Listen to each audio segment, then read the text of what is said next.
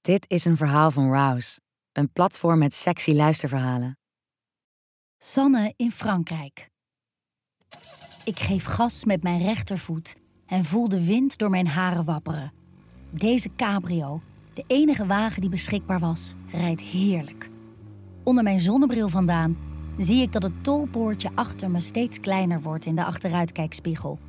Aan de rechterkant zie ik prachtige velden met zonnebloemen. Ik adem in en realiseer me hoezeer ik de Franse buitenlucht miste. Verder luisteren? Ga dan naar rouse.me. R-O-U-Z-E.me.